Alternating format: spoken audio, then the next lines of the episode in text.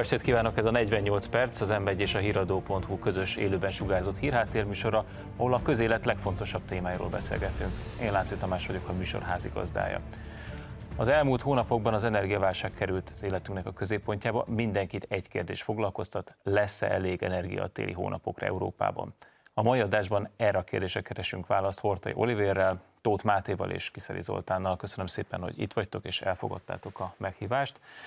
Csapjunk is bele, újabb szankciós csomagot fogadtak el Brüsszelben, és ársapkát határoztak meg azokra az Oroszországból induló olajszállítmányokra, amelyeket uniós vagy G7 országhoz tartozó szállítmányozó vállalat juttat el harmadik országba. Azt hiszem így precíz a megfogalmazás. Na most ö, elsőre, első hallásra ez akár jónak is tűnhet, ársapka. Nem tornyosulnak az egekig az árak, de mégsem örül ennek mindenki. Ezt hogy tisztázzuk, hogy mit jelent ez az árplafon vagy ársapka. Az ársapka lényege, hogy a szabályozó maximalizálja azt az árat, amit az adott területen, adott tranzakciókért el lehet kérni. Szerintem, amit fontos kiemelni, és ami időről időre keveredik, hogy azok a típusú ársapka intézkedések, amik Magyarországon hatályosak, azok különböznek az Európai Bizottság által javasolt gázársapkától, illetve az Egyesült Államok által javasolt, javasolt globális olajársapkától. Magyarországon az ársapkák a végfogyasztókat érintik, és ezekben a viszonyrendszerekben a szolgáltatók kényszeríthetőek arra, hogy az alacsonyabb ár mellett is ellássák a fogyasztókat. Ezzel szemben az Európai Bizottság gázársapka javaslata például a tőzsdei árakra vonatkozna, tehát a tőzsdén egy bizonyos árszint fölött egyszerűen nem lehetne kereskedni, amivel az a probléma és a vitákat az okozza, hogy ebben az esetben senki sem képes arra kényszeríteni az eladókat, hogy, hogy ténylegesen értékesítsék a terméküket. Tehát és leegyszerűsítve így... bemegyek a boltba, megkérdezem mennyi a túróródi, közlik, hogy 300, és én azt mondom, hogy én ezért 200-at fogok adni, és akkor erre nyilván engem elhajtanak onnan. Azt mondják, hogy ennek az ára ennyi. Ha jól értem, ez az energiakereskedelemben sincs nagyon másképp, nem? Tehát a, az eladó diktálja az árat. És annyira így van ez, hogyha azt mondom például a, a a túró Rudi árusnak, hogy holnaptól 30 forintba kerül a túró Rudid, akkor ő egyszerűen nem szállít. Egy kakaós csiga, egy pék, az, az nem süti le a kakaós csigát, hanem lehúzza a redőnyt. És pontosan ez a kulcs jogilag is a kikényszeríthetőség, mert hogy a magyar rezsicsökkentés lényege az, hogy engedélyes minőségekben, tehát ahol engedélyes szolgáltatók vannak, és a működési engedélyük köti őket, akár veszteséggel is, de hogy értékesítsenek, Ráadásul ezek állami tulajdonban állnak ma már Magyarországon, tehát ez még jobban megerősíti ezt a jogi kényszert. Egy teljesen más típusú jogi struktúrát jelent, mint az, ahol lex imperfecta, mondhatok én bármilyen ársapkát, ha egyszerűen nem tudom kikényszeríteni, a kereskedő harmadik országból egyszerűen nem fogja leszállítani ezt a terméket, mert hogy nincs olyan jogi erejű, kötelező erejű szankció, nincs ott a kikényszeríthetőség jogi értelemben, amivel az ilyen jellegű szankcióknak érvényt tudok szerezni. Szóval te mindig kritikus szemmel szoktad nézni Brüsszelt akkor tulajdonképpen mi ennek az intézkedésnek az értelme? Tehát, hogyha nem kikényszeríthető. Nekem ebből, amit most itt az urak elmondtak, úgy tűnik, hogy semmi más nem fog történni, mint hogy Európába eddig nehezen, de eljut, nehezen és drágán eljutott az energia, most meg már csak el se fog jutni. Ja, politikailag az a célja, hogy az oroszok a szénhidrogén exportjukért ne kapjanak olyan sok pénzt, amiből most tudják finanszírozni a háborújukat, vagy miután középtávon, vagy hát minél rövidebb idő alatt Brüsszel le akar válni az orosz foszilis energiáról, ezért, hogyha ezt az ásapkát tartósan bevezetik, akkor a jövőben Oroszország ne tudja újjáépíteni a hadseregét, vagy ne legyen képes hibrid vagy másfajta hadviselésre. Értem, a szépségkirálynőknek meg a világbéke a célja, de mi a relevanciája ennek az egész intézkedésnek? Igen, tehát a, e, több célja van. Egyrészt azt remélik, hogyha be, politikai célokról tudok beszélni, tehát azt remélik, hogy ha bevezetnek egy fix árat, egy ilyen ásapkát, akkor ezzel szá, kiszámíthatóvá válik mondjuk az energiaellátás, és tudnak a cégek vagy a lakosság valahogy kalkulálni. Van egy másik szempont, amit ezek a brüsszeli szankciók nem vesznek figyelembe. Most az olajára vezettek be egy ilyen árplafont, és azt mondták, hogy az európai zászló alatt menő hajózó hajók nem szállíthatnak a fölött olajat. Mert most Oroszországból a ciprusi, görög és máltai zászló alatt lévő hajók visznek olajat Indiába, ott ezt fel, feldolgozzák és visszahozzák mondjuk Európába vagy, vagy Amerikába, és ez már nem orosz olaj, hanem indiai. Kínában ez történik a cseppfolyósított gázzal. És hogyha az európai hajók nem tudnák szállítani ezt az orosz olajat, akkor azt remélik, hogy Oroszország elesik ettől a bevételtől.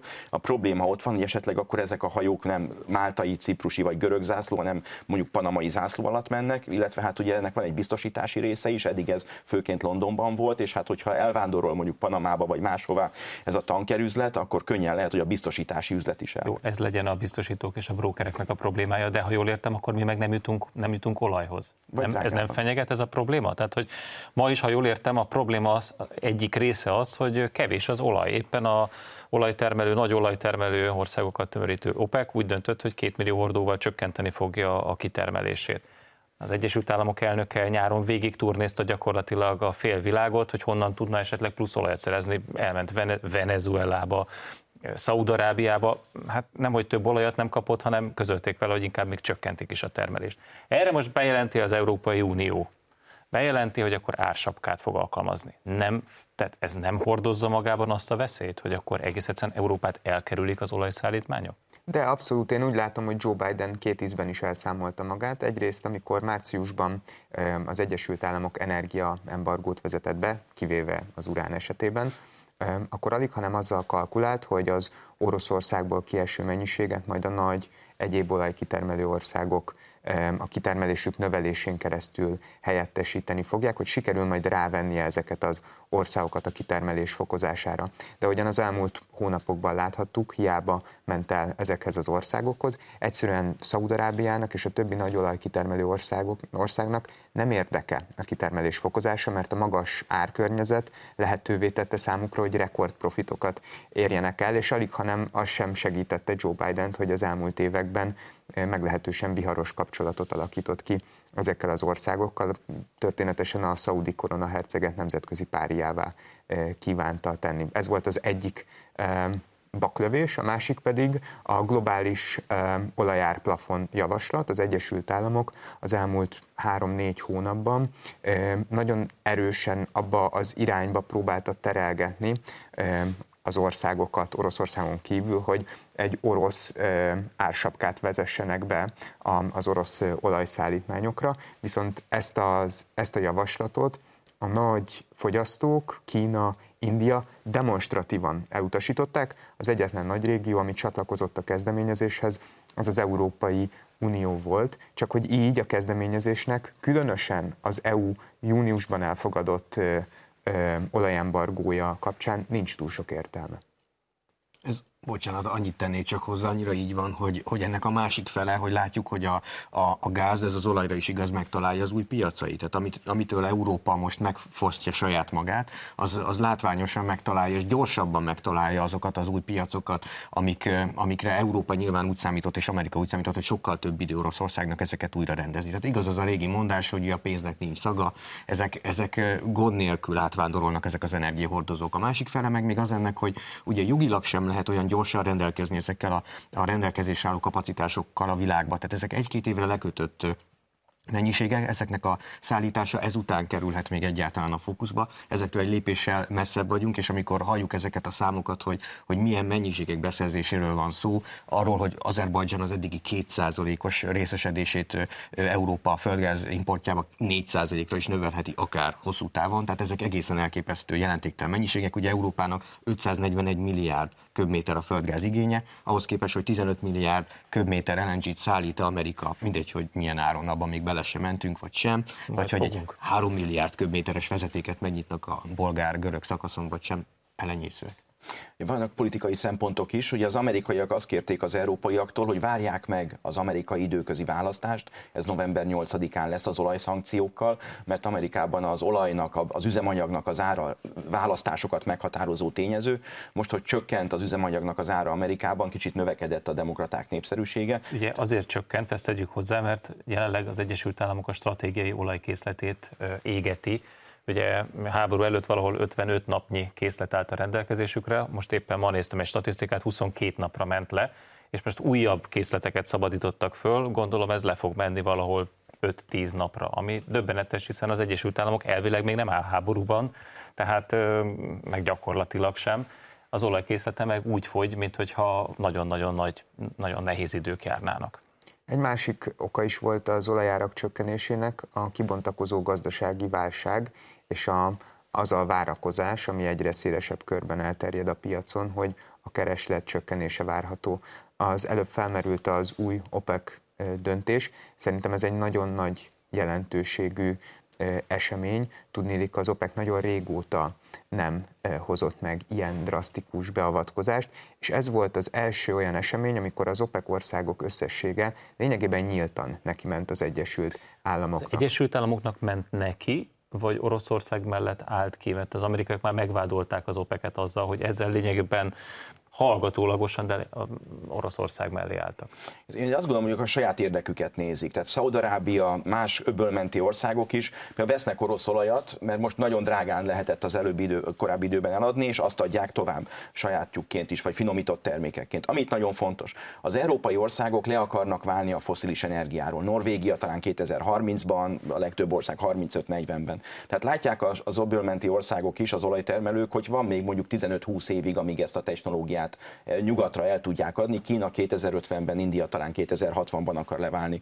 Tehát az európai nyugati relációban, európai relációban itt egy limitált idő van, és ha újabb nagy beruházásokat eszközölnének, annak a megtérülési idejére hosszú távú szerződéseket kötnek. Scholz kancellár volt most Szaudarábiában, azt mondta, hogy ti lesztek Németország zöld hidrogén beszállítói a megújuló energiából, tehát a szaudiak tehát ilyen kétkulacsos politikát folytatnak szerintem az öbölmenti országok. Európának amíg lehet drágán eladják a, a, a foszilis üzemanyag üzemanyagokat, energiahordozókat, míg közben az oroszokkal üzletelnek, hogy magasan maradjon az ár, ennek vannak rövid távú gazdasági hasznai, van egy geopolitikai része is, hogy azt remélték Biden-től, hogy Iránnal szemben kritikusabb lesz. És azt látjuk, hogy a Biden kormányzat nem volt annyira kritikus Iránnal szemben, mint a Trump kormányzat, és ott van Afganisztán példája, látják a, a szaudiak is, mások is, hogy az amerikaiak egyik napról a másikra ott hagyhatják a szövetségeseiket, hogyha az érdekük azt kínálja, mint ahogy tavaly Afganisztánban, és nem akarnak ilyen sorsra jutni, tehát kivárják még, hogy hogy alakulnak a, például a foszilis energiáról való leválás, illetve az, az átállás a zöld energiákra. Csak jöjjünk le egy kicsit a stratoszférából, ide a Kárpát-medencének a közelébe. Mire számol, hogyan számoltok ti? Tehát lesz-e elég energia, akár olajról, akár földgázról beszélünk? Ugye Magyarország nem csatlakozott most ehhez az olajszankcióhoz, illetve hogyan kalkuláltok az árakkal? Hát, hogy lesz-e, nyilván ez érdemes kezdeni. Talán ugye azt látjuk, hogy a, a és ez a, ez a jó mérőszám, hogy a teljes magyarországi földgáz felhasználási igényekhez, amiben a lakosság és ipar benne van, hogyan viszonyulnak a mostani tároló kapacitásaink és a feltöltés, ez ugye most már 46% felett áll, az elég jó, ez Európában 23%, tehát elég lényeges a, a különbség, és azt látjuk, hogy hogy Magyarországban szerencsés helyzetben van, hogy ahogy fogynak az ellátási útvonalak Európa felé a földgáz tekintetében, ugye az északi áramlattól haladva szépen délre, érintett ugye a testvériség, érintett a Jamal, a török áramlat az egyetlen jelenleg, ahol tényleg jogi agályoktól, elszámolási vitáktól és hát fizikai akadályoktól, mint az északi áramlat, mentesen tud jönni földgáz. És emellett Magyarország ugye saját termelésre is tud támaszkodni, jelenleg is van egy 14%-nyi saját földgáz termelés, a földgáz felhasználás egészéhez viszonyítva, amiben új kutakat állít jelenleg üzembe, ugye Nyékpusztánál a hatos kutat már le is mélyítették, illetve ugye most az új döntés Hajdúszoboszlón az ottani párnagáznak a, a ilyen értelemben a letermelése és a felhasználásba állítása, ez egy 800 millió köbméteres mennyiség, tehát van is hova nyúlnunk még. Ezek egészében adják ki a magyarországi kényelmes helyzetet, ami nyilván a, a, az adott körülmények közötti kényelmes helyzet. Az árak szempontjából talán problémás lehet, hogy az európai energiapiac nagyon szorosan összekapcsolódik, így az Európai Unió egészét érintő egyre súlyosabb helyzet és egyre magasabb árak a magyar árakba is begyűrűznek, és a fő problémát az okozza, hogy nagyon nehéz azt előrejelezni, hogy a következő hónapokban, vagy akár években hogyan alakul majd a gázára az európai piacon. Egyszerűen még nem volt arra példa, hogy az Európai Unióban tagállamok olyan helyzetbe kerüljenek, hogy korlátozniuk kell az ellátást, vagy adagolniuk kell a fogyasztóknak. Erre a sor kerülhet szerinted? Én azt gondolom, hogy erre esély van. És Mikortól szerinted?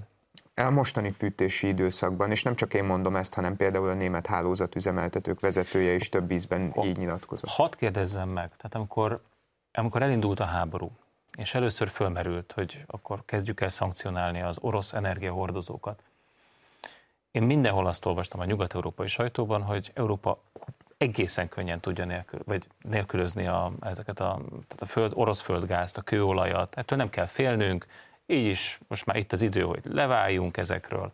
Ti emlékeztek ezekre az újságcikkekre? Abszolút. Hát Robert Habeck, német gazdasági miniszter márciusban úgy fogalmazott március első felében, hogy az Európai Unió és Németország felkészült az orosz gázszállítások leállítására. Ugye két ígéret volt. Az egyik az az, hogy az energiaszállítást érintő szankciók térdre fogják kényszeri rövid, kényszeríteni rövid időn belül az oroszokat. A másik ígéret pedig az volt, hogy ez az európaiaknak nem okoz majd elviselhetetlenül nagy terheket. Én De azt ki gondolom... fel az európaiakat szerintetek?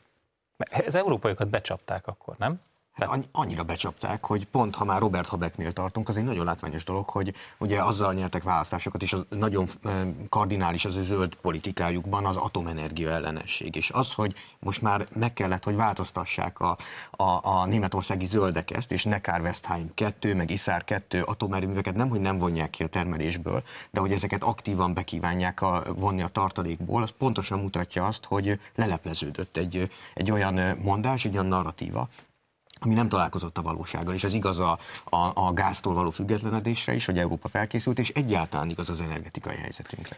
Bocsánat, előbb említetted Biden elnököt, hogy kérte az európaiakat, hogy még várjanak itt az olajszankciókkal, mert náluk még éppen választások lesznek, bár nem tudom nekünk miért kéne várni.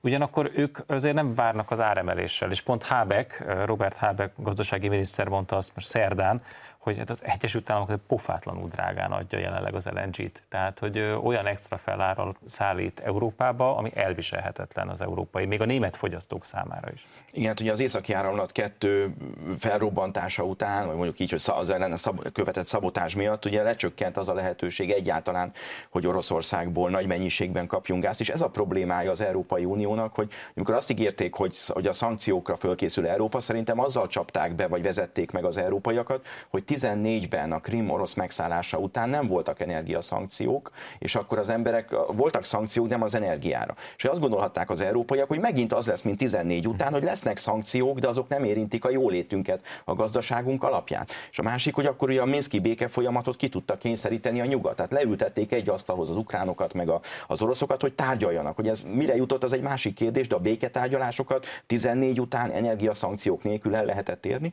és ami talán nagyon fontos német szempontból, hogy a német gazdasági modell, a nyugat-európai gazdasági modell arra épült, hogy olcsó orosz energiából plusz olcsó nyersanyagokból prémium termékeket állítanak elő, amit a világpiacon eladnak. És most van a második olyan negyedév, amikor az árak elszabadulása miatt Németország már többet fizet az energiáért, és itt jön az, amit mondtál, hogy az amerikai LNG is, meg más energiahordozó is nagyon drága, és magyarul többet fizetnek az energiáért, mint amit kapnak az export termékeikért, és ha ez tartósan így marad, akkor az a gazdasági modell, ami Nyugat-Európát jellemezte, ami a jólétük alapja volt, ez megbukik, és még egy fontos gondolat, az eurónak is ez az alapja. Tehát a német gazdaság, a holland, az osztrák gazdaság, az, hogy ilyen profitot termelnek, ez, ez adta az euró gazdasági erejét, és nem csak az alacsony kamat miatt csökken az euró árfolyama, hanem pont azért is, mert a nyugati országoknak sokkal többet kell fizetni az energiáért, mint eddig, és ezt ugye hitelből kell majd finanszírozniuk. Tehát azt látjuk, hogy az, a drága LNG, a drága energia ezt a nyugat-európai gazdasági modellt is megkérdőjelezi,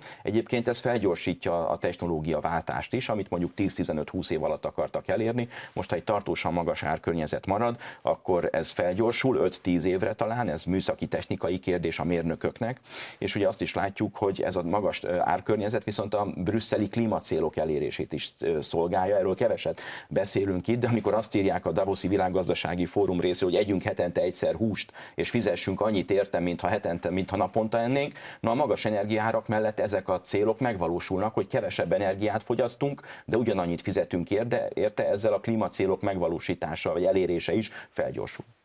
Szerintem két dolgot azért érdemes hozzátenni. Az egyiket ahhoz, amit Zoli mondott, hogy azért itt van egy nagy csapda helyzet. Az európai politikusok időről időre 2030-as, 2040-es évekről beszélgetnek. Most már egyre inkább kézzelfogható, hogy a következő fűtési időszakunk kerül bajba. Tehát az, hogy 2030-ra a mérnökök mit fognak majd megoldani és mit nem, az egy érdekes kérdés, én magam kutatóként szívesen foglalkozom vele, de most azért sürgető problémák is vannak. Habek kijelentésére vonatkozom, pedig én ezt a kijelentést egy súlyos, eh, az inkompetencia súlyos jelének tartom. Egyrészt az, hogy eh, az amerikaiak drágán adják a gázt, az az európai eh, piacon kialakuló áraknak a következménye. Az európai piacon azért magasak az árak, mert eh, részben Németország, eh, részben Robert Habeck személyesen a, a kereskedelmi konfliktust mélyítette az elmúlt egy évben az északi áramlat kettő gázvezeték engedélyeztetésének az akadályozásával,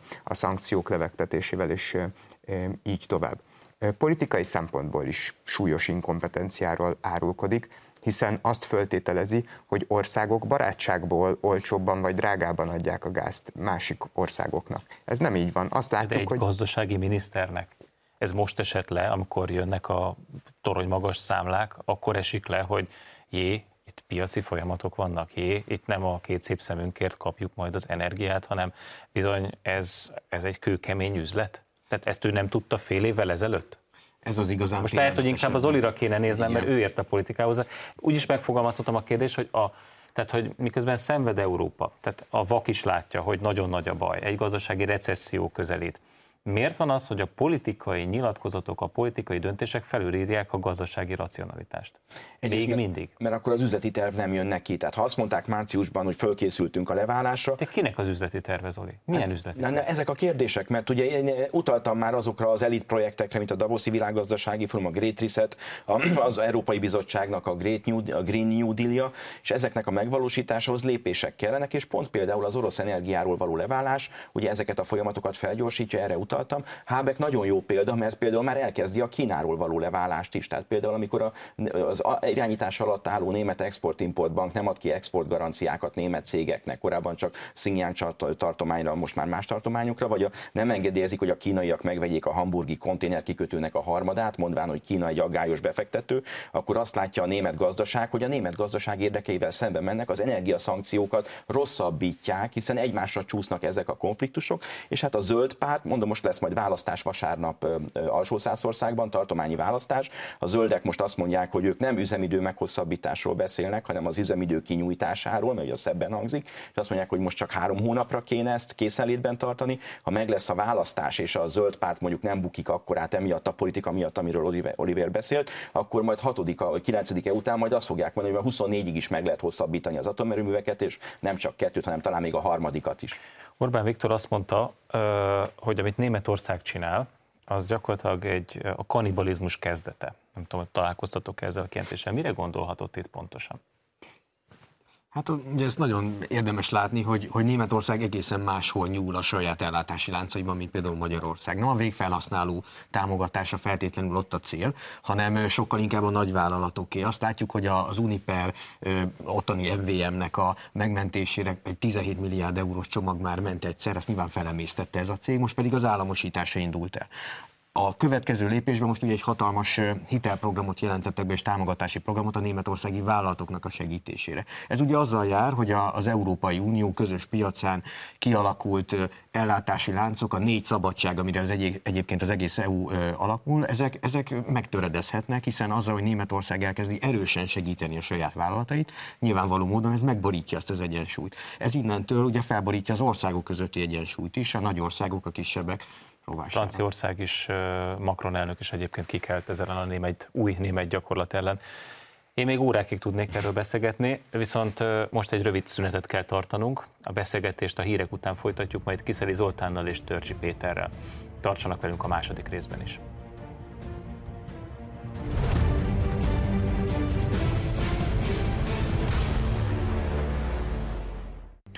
Folytatjuk a közélet legfontosabb témáival itt a 48 percben. Kiszeli Zoltánnal és Törcsi Péterrel, Isten hozott. Az első fél időben szankciókról, energiaválságról beszéltünk. Innen mennék tovább. Azért most már látható, hogy az európai polgároknak is mint a kezdene leesni, hogy mi történik velük. Tüntetés hullám söpör végig Európán. Csehországban, Németországban, Olaszországban, Romániában és Franciaországban is az utcára vonultak az emberek, több ezres tömeg, és hát csekkeket égetnek, megpróbálják valahogy a vezetők tudtára adni, hogy nem jó irányba tart a kontinens. Szerintetek lesznek-e, lesz-e ezeknek a tüntetéseknek hatása az európai politikusokra? Ugye még csak most kezdődött el a hideg időszak, tehát még nem vagyunk benne komolyan a télben, sehol Európában és mégis az látszik, hogy elkezdődött egy ilyen elégedetlenségi hullám. Látszik az, hogy ezek mögött különböző motiváció is van, az biztos, hogy az utcára vonulnak, azok már most elégedetlenek azzal a politikával, amit a nyugat-európai kormányok, illetve Brüsszel képvisel a szankciók tekintetében, ami ugye az eredője a megemelkedett rezsiáraknak.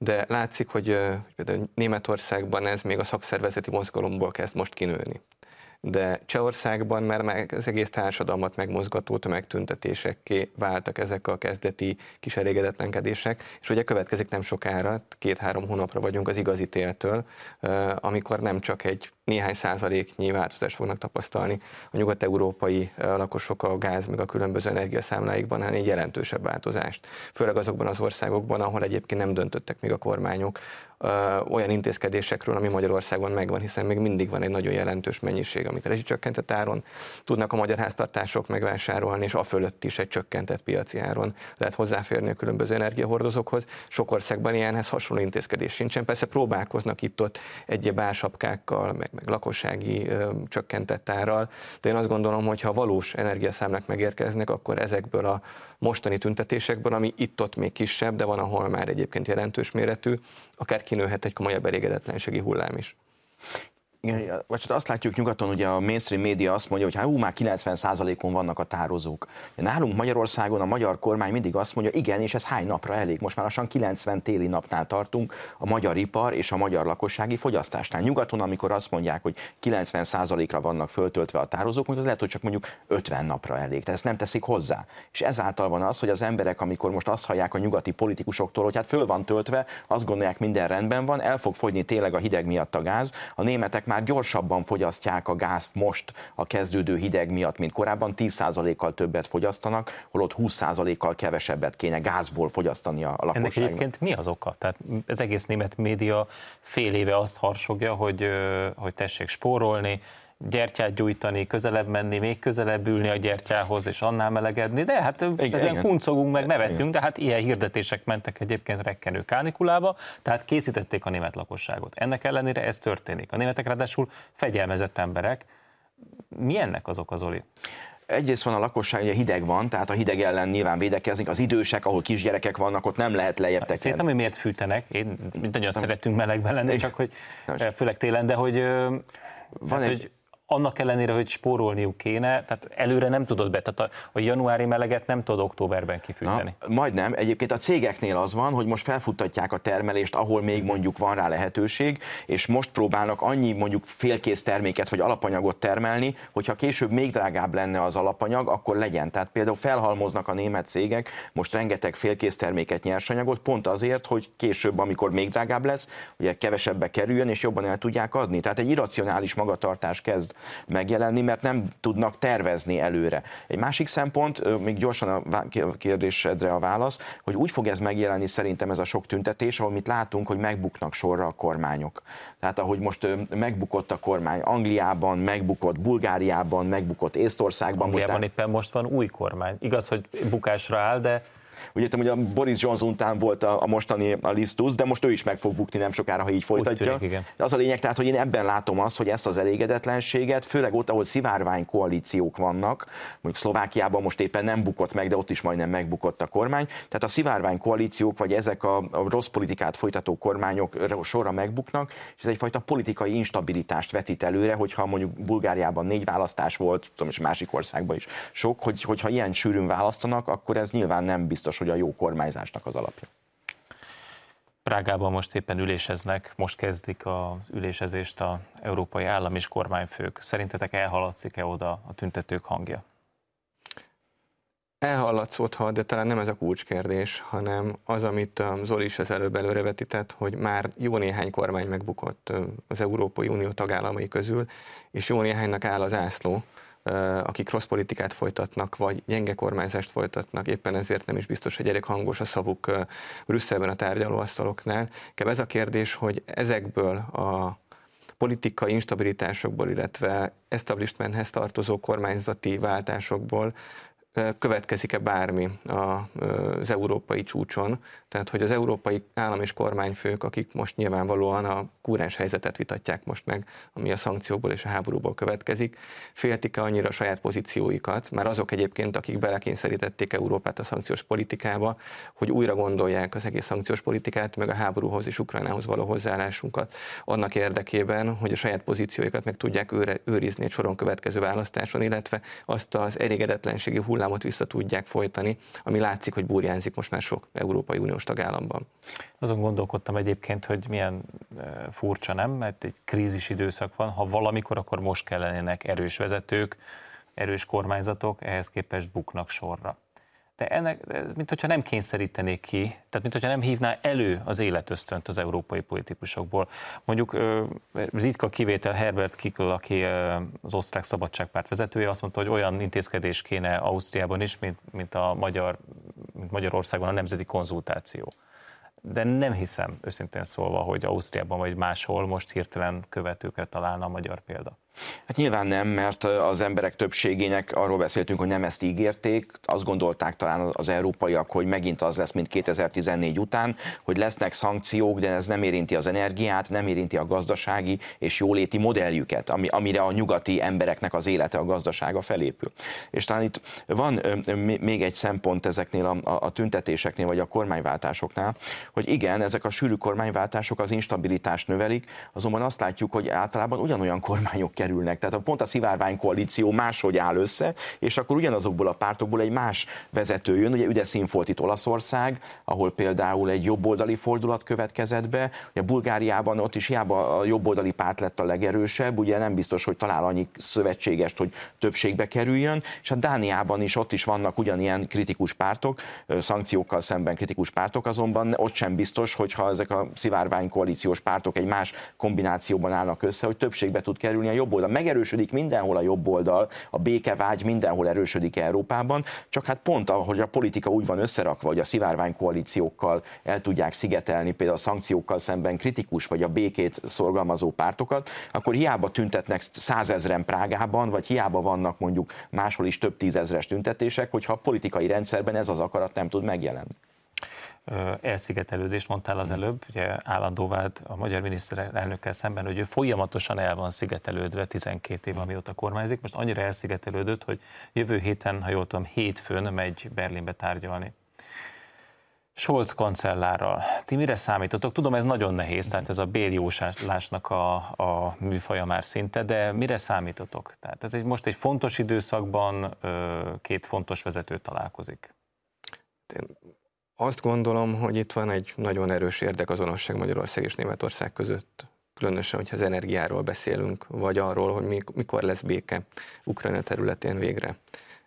Csak különböző súlycsoportban van a két kormányfő. Van egy kormányfő, aki mögött egy hatalmas többség van, autonóm és képes harcolni az ország a szuverenitásáért. És nyilván meg, meg fogtok lepődni, nem Olaf Scholzra gondolok. Ez a magyar miniszterelnök. Olaf Scholz meg a a negyedik legnagyobb gazdaságnak a vezetője, a német kancellár, aki mögött meg ott van a német zöld párt, ami nem, nem, nem a legjobb konstelláció, hogyha erős is akar lenni az a német kancellár, és nem csak gazdag. És ez a baj a Németországnak, és ez a baj a egész Európának, hogy ugyan nagyon gazdag, és ebből a kiindulási alapból azt feltételezi rengeteg vezető. És nem feltétlenül Scholzra gondolok most itt, mert Scholz bármennyire egy szociáldemokrata, bármennyi is a zöldekkel együtt kormányoz, még azt gondolom, hogy eh, ha lenne akkor autonómia, meg, autonómiája, meg lenne akkor a többsége a Bundestagban, mint amekkora a magyar miniszterelnök van, akkor bátrabb és erősebb is tudna lenni, de ez erő hiányzik belőle, nem beszélve azokról a kormány és államfőkről, akik mögött még annyi többség sincsen, meg akkor a gazdasági teljesítőképesség sincsen, mint Scholz mögött. Az a kérdés egyébként, hogy az az érdekazonosság, ami megvan a magyar és a német kormányfő között, meg a magyar és a német gazdaság között, nem beszélve arról, hogy a két gazdaság össze is van kapcsolva, és hogyha még ide soroljuk a Magyarország mögé a v akkor a német és a v gazdaságok még jobban össze vannak kapcsolva, mint mondjuk a német és a francia gazdaság. De az a kérdés, hogy tud-e annyira józan lenni, és tud-e olyan többséget, meg erőt Scholz maga mögé tenni, hogy azt a józan politikát tudja képviselni, mint mondjuk a magyar miniszterelnök a háború kitörése óta a brüsszeli döntéshozatalban képvisel, hogy békére van szükség, és nem olyan szankciókra még többet ártanak az Európai Uniónak, mint annak, akit szankcionálni próbál az Európai Unió. Én ennél egy kicsit pessimistább vagyok.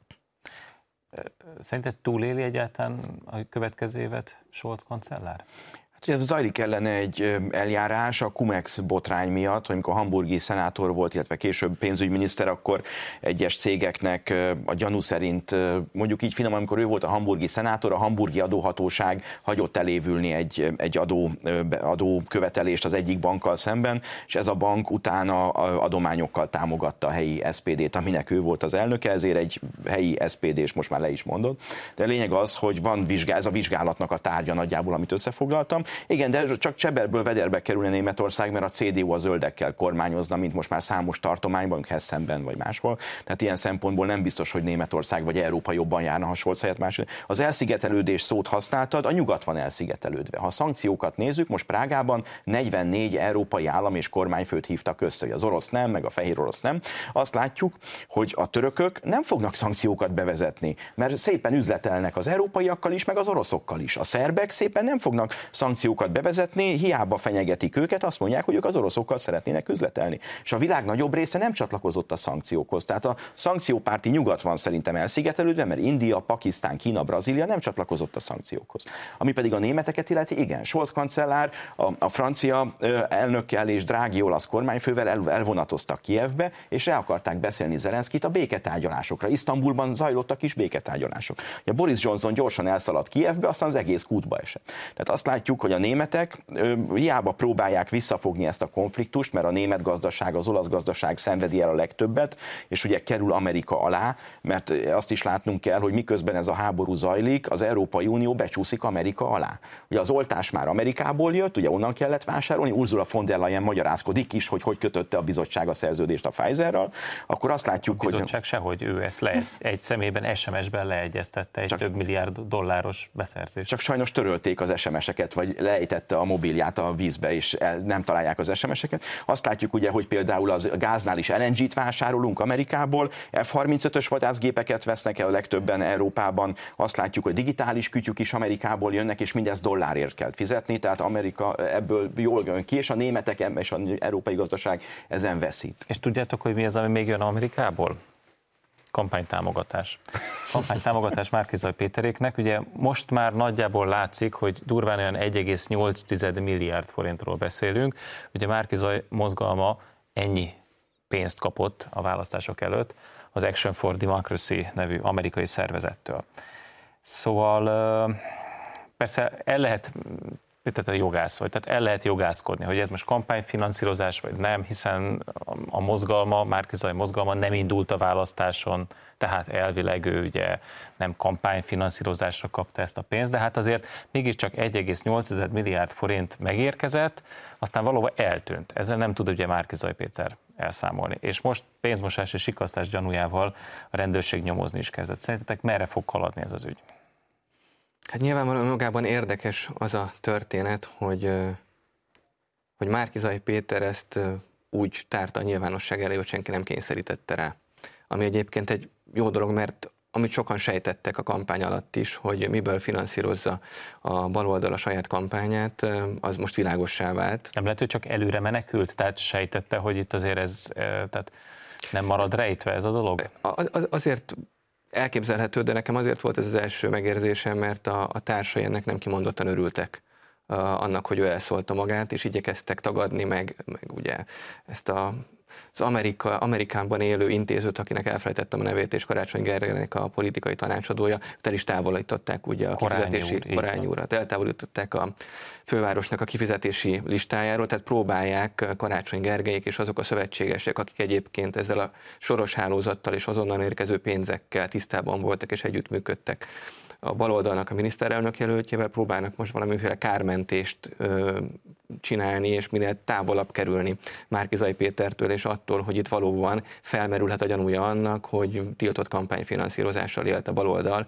mert erre most én se tudnám hirtelen megmondani jogi választ, meg nem is lehet egy folyamatban lévő ügyben prejudikálni, de az egy nagyon érdekes vizsgálat lesz, hogy mi lesz ennek az eredménye, hogyha abba a szakaszba jut, hogy esetleg egy ítélet is születik róla. Ugye még vádemelése történt, mert valóban közvetlenül nem fogadhatta volna egy párt a semmilyen külföldről érkező támogatást, de az, hogy közvetetten egyébként egy egyesület odaadta a pártoknak, hogy tudjanak ebből kampányolni, vagy vettek eszközöket, ami annak a célját szolgálta, hogy ez a, ez a mozgalom, vagy ezek a pártok sikerre vigyék a választási kampányokat, azért az felvet elég komolyan kérdéseket, nem véletlenül indult el egy nyomozás. Ugye Márkiza és korábbi szövetségesei azért is különböztek össze, nem csak azért, mert Márkizaj elkotyogta, elfecsegte, vagy elmondta a nyilvánosság előtt, hogy több millió forintot kaptak, hanem, hanem azért is, mert hogyha jól lettem, volt egy elszámolási vita. Hát azért mégiscsak itt van 1,8 milliárd forint, ami bejött, és ha jól értem, akkor nem tudjuk, hogy pontosan kinek, hova, merre ment, és nem tudja senki se. Márkizaj közölte, hogy rajta ne is keressék, ő nem tudja. Nyilvánosságra hoztak egy nagyon hosszú Excel táblázatot, ha jól emlékszem, csak golyós tollakra, vagy ilyen reklámtollakra 44 millió forintot költöttek, tehát vannak tételek, amiket elméletileg ebből a pénzből finanszíroztak. Ugye mi az, ami nagyon érdekes? A Sifer Andrásnak volt egy nagyon jó kétrészes cikke az Indexen, ahol leírja, hogy eznek az Action for Democracy támogató testületének a tagjai, azok egyébként hol, hol is vannak még egyébként, és egy különböző, ez, mit szoktuk mondani, hogy nincsenek összeesküvés elméletek, csak összeesküvések, érdemes elolvasni, hogy milyen nemzetközi nagy szervezeteknek a felügyelőbizottsági meg tagságában vannak benne ezek az emberek. És hát Fritz Tamásnak is akár tíz évvel ezelőtti cikkét is elő lehet venni, aki leírja, hogy a Johns Hopkins Egyetemen egyébként milyen kapcsolatok vannak, és ott is az abból a körből is két-három ember legalább ott van ennek a, az amerikai szervezetnek a támogató testületében. Ami szerintem nagyon érdekes, és Tamás nem hiába mondta te is azt, meg, meg, meg Péter te is, hogy itt nem pártokat támogattak. És Amerikában, amennyire az amerikai pártfinanszírozási törvényt ismerem, ott vannak, hogyha jelölteket támogatsz, az csak nagyon kevés pénzzel teheted. De ha te ügyeket támogatsz, akkor azt szinte korlátlan mennyiségben támogathatod, és szerintem ezért is figyel arra ez az amerikai támogató szervezet, és Márkiza is ezért mondja azt, hogy ők csak ügyeket promótáltak, korrupció ellenesség, vagy gender ideológia, mert Amerikában is, hogyha, hogy megnézzük ennek a szervezetnek a honlapját, volt egy nagyon érdekes nyilatkozatuk augusztusban, hogy ők sem a magyar, sem az amerikai törvényeket az ő értelmezésükben nem sértették meg. Ez volt a nyilatkozatuk, ami az interneten megjelent, és nem véletlen, hogy egyesek pedzegetik, hogy érdemes lenne Amerikában is megvizsgálni, hogy eleget tettek-e az amerikai törvényeknek. Ugye ezek azok a kérdések, amiket felvet ez a vizsgálat, és egy utolsó gondolat, beszéltünk a szankciókról. És Magyarország pont azzal, amit Péter, te is mondtál, hogy a magyar kormány ugye egy olyan politikát folytat, ami a rezsicsökkentésnél biztosít egyfajta kiszámíthatóságot az embereknek, a családoknak. És ugye pont ez az, ami nem tetszik nekik. Mert ugye azt várnák, hogy csatlakozzunk a szankciókhoz, a baloldal ezért küzd Brüsszelben, itt Magyarországon is azt mondják, hogy még több szankció kell, zárjuk el az orosz gázcsapot, állítsuk le a paksi építkezést, és miután a kormány ezt nem teszi, feltehetően vannak olyan körök, amelyeknek megéri az. Egyébként, amit mondtál, 1,8 milliárd doll, forint, ha lefordítjuk Amerikába, az 4-5 millió dollár, Kint ez nem olyan sok, itt viszont rengeteg. Azért annyiban reagálnék arra, hogy ez nem sok pénz, hogy ettől függetlenül... Kint. Itt, igen, igen, igen.